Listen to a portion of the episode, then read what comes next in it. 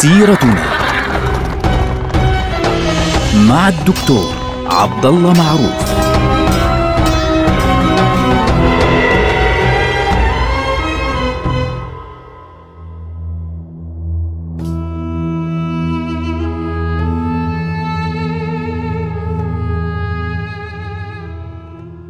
السلام عليكم ورحمة الله وبركاته. سيرتنا سيرة هذه الأمة العظيمة ونحن الآن في عهد الدولة العثمانية في نهاية عهد السلطان مراد الثاني بداية عهد السلطان محمد الثاني أو محمد الفاتح. طبعا محمد الفاتح شخصية مهمة جدا في تاريخنا. ولد السلطان محمد الفاتح في آه، السادس والعشرين من شهر رجب من عام 833 للهجرة آه، الموافق للعشرين من شهر إبريل أربعة آه، عام 1429 للميلاد. محمد الثاني ليس أكبر أبناء السلطان مراد الثاني. مراد الثاني كان له ولد أكبر من محمد اللي هو علاء الدين توفي في حياة والده فاعتزل والده الحياة كلها أصلا وتنازل لمحمد الثاني عندما كان عمره 14 عاما فقط.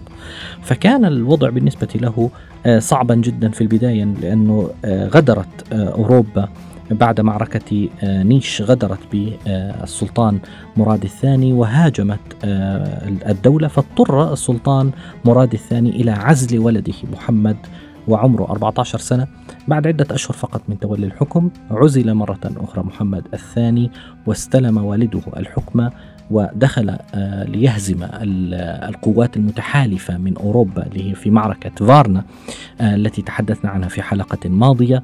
وبعد ذلك توفي السلطان مراد الثاني بعد ست سنوات من هذه الأحداث من عودته إلى الحكم وكان محمد الثاني ابن محمد بن مراد عمره في ذلك الوقت عشرون سنة.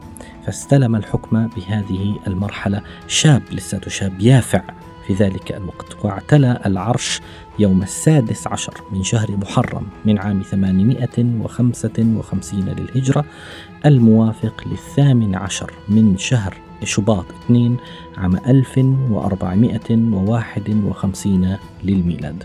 كان كما قلنا عمره 20 سنة في ذلك الوقت. طبعا في ذلك الوقت يجب أن نفهم نقطة أنه السلطان لا يحكم في الدولة العثمانية في تلك المرحلة بفكرة السلطان الواحد والرأي الواحد. لا لا لا. كان أحيانا يواجه معارضة شديدة من أصحاب القوة اللي موجودين حواليه. وهكذا كل الدول على فكرة. ما في سلطان هو الحاكم بأمره إلا سلطان يعني جائر مثلا جنكيز خان ولا غيره. لا هؤلاء ما بنتكلم عن أمثالهم في الدولة العثمانية. فمثلا في بداية عهد محمد الثاني أو محمد الفاتح كان هناك น่าจะ يعني علاقة سيئة جدا بينه وبين الصدر الأعظم اللي هو رئيس الوزراء فعليا اللي هو اسمه آه، خليل جندرلي. هذا الرجل هليل أو خليل جندرلي كانت شخصيته مختلفة تماما عن شخصية محمد الثاني. كان محمد الثاني رجل مندفع هيك يحب أنه بده ينفذ شيء كبير جدا بده يفكر في شيء كبير يعني اللي هو القسطنطينية. بينما خليل جندرلي كان يفكر دائما بالعواقب. طب بنتمشكل مع هاي الدولة طب بتصير لنا مشكلة؟ مع هون طب بنخاف من كذا بنخاف من كذا. فيعني كان هو رجل تهدئة. وبالتالي كان مهم جدا إنه يبقى خليل جندرلي صدرا أعظم. ليه؟ محمد الفاتح كان يريد أنه يستغل فكرة أنه خليل جندرلي يحب دائما الجنوح إلى السلم والتهدئة إن صح التعبير كان يريد أنه يستغل هذه الفرصة لكي تهدأ الأوضاع في البداية ويتمكن من تجهيز نفسه للحدث الكبير الذي يرتب له لاحقا. على فكرة السلطان محمد الفاتح شخصية نالت اهتماما كبيرا جدا في الإعلام العربي خاصة في أدب الأطفال وحتى اليوم على فكرة بتنتشر عنه أخبار كثيرة وبعضها بل كثير منها أصلا مغلوط. يعني أكيد يمكن على وسائل التواصل الاجتماعي بتنتشر كثير قصة غريبة إنه والله هذا الطفل كانت أمه تمسكه كل يوم وتوديه أمام القسطنطينية وتورجيه اياها من ساحل البحر تحكي له يا محمد أنت ستفتح هذه المدينة فكبر على ذلك. أو إنه أبوه يأخذه كل يوم ويقول له يا محمد أنت ستفتح هذه المدينة. إخواننا هذا الكلام كله أصلا غير صحيح. يعني نعم محمد الفاتح كان مسكونا منذ البداية بفتح القسطنطينية لكن لم يرد عنه هذه الروايات اللي بنحاول أحيانا وبيحاول الناس أحيانا أو بعضهم إنه يدخلوا فيها إن صح التعبير شوية بهارات وعلى شوية فلفل أسود على مش عارف إيه على أساس تصير يعني هيك ملفتة للنظر زي قصة اللي كانوا يحكوها زمان على وسائل التواصل الاجتماعي بتنتشر. لا بس واستغرب إنها بتنتشر لليوم إنه صلاح الدين كانت أمه وهو صغير تقول له أنت ستحرر بيت المقدس ومش عارف إيه وأبوه ضربه وما خلاهوش لما يبكي له ممنوع تبكي أنت كيف بدك تحرر بيت المقدس ومش عارف شو؟ هذا كلام كله كلام يعني من المبالغات ومما لا أصل له ومما لا نحتاجه أصلا. محمد كان شابا يافعا يريد أن ينفذ شيئا عظيما لم يستطع أحد أن ينفذه من قبله.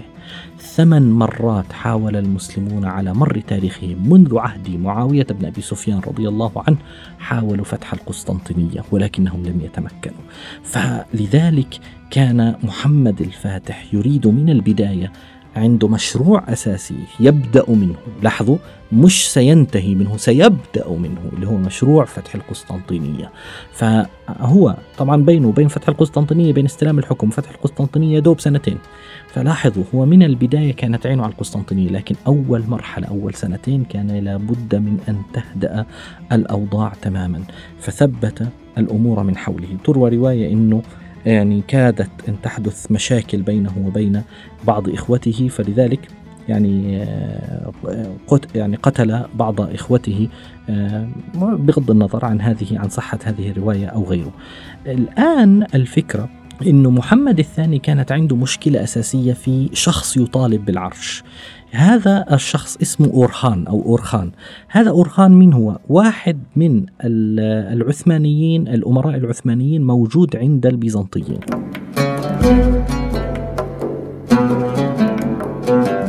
في ذلك الوقت كانت هناك عندما تحدث اتفاقيات بين البيزنطيين والدولة العثمانية.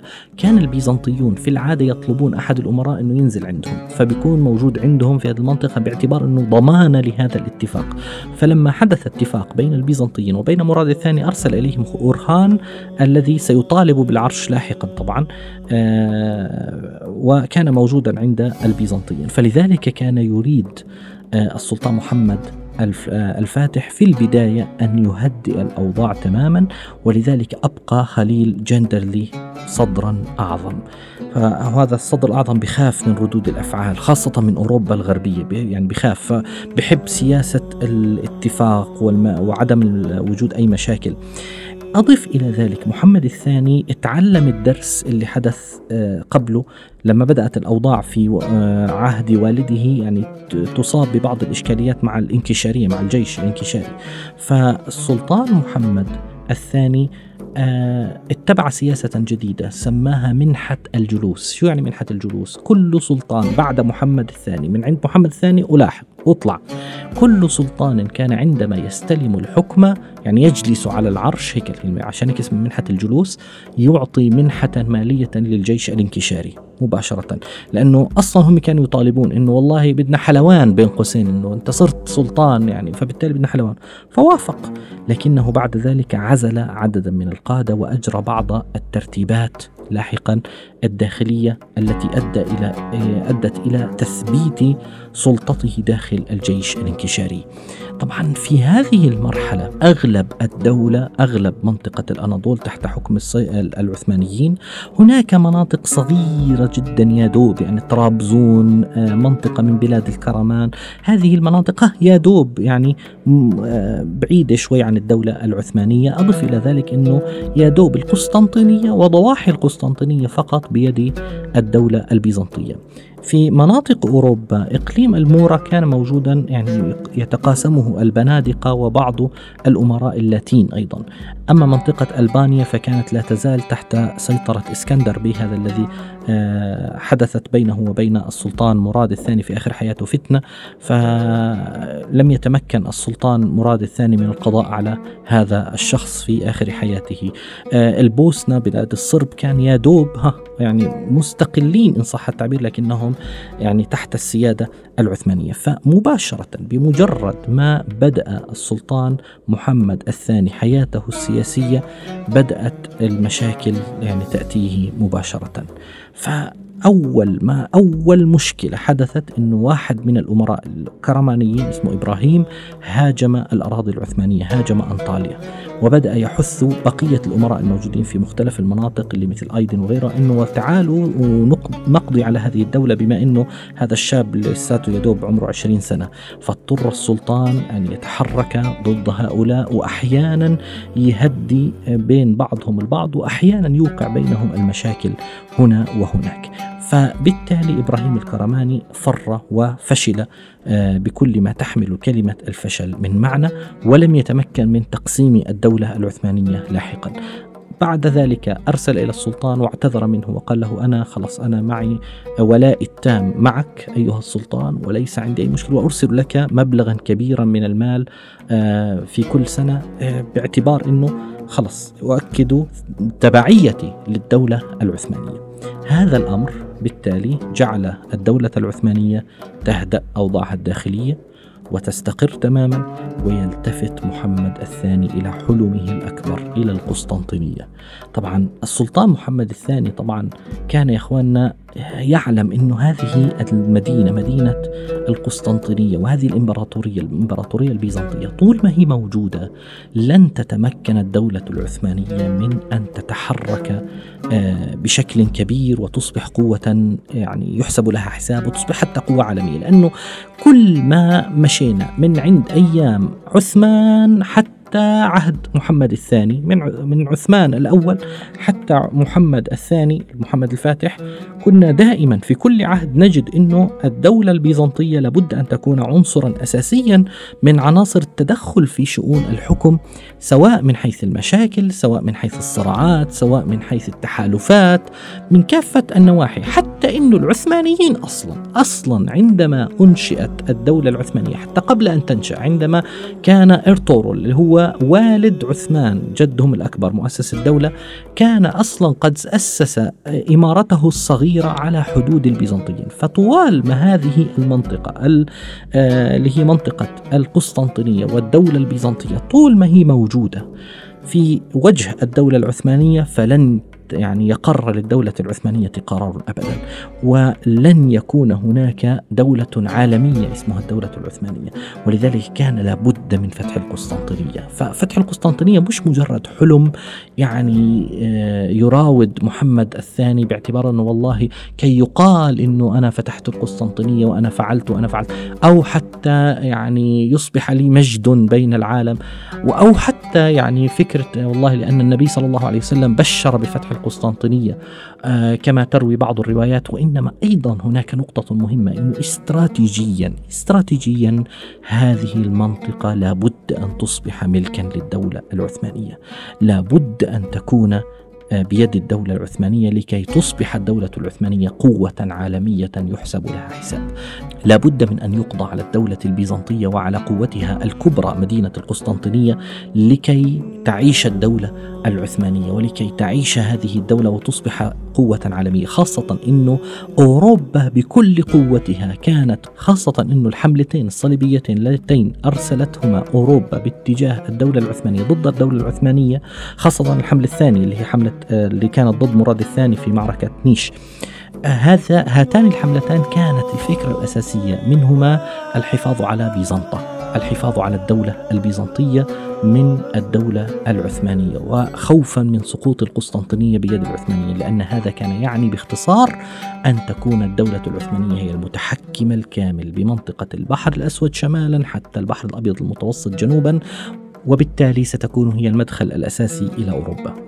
في ذلك الوقت كان الإمبراطور في القسطنطينية هو الإمبراطور قسطنطين الحادي عشر. كان قد تولى عرش بيزنطة في أيام السلطان مراد الثاني والد محمد الثاني وكانت علاقته طيبة يعني معاهد له على الولاء. بعد وفاة السلطان مراد الثاني وتولي محمد الفاتح محمد الثاني الحكم بدأت الأمور بينه وبين قسطنطين الحادي عشر تأخذ طابعا مختلفا. نلقاكم على خير والسلام عليكم.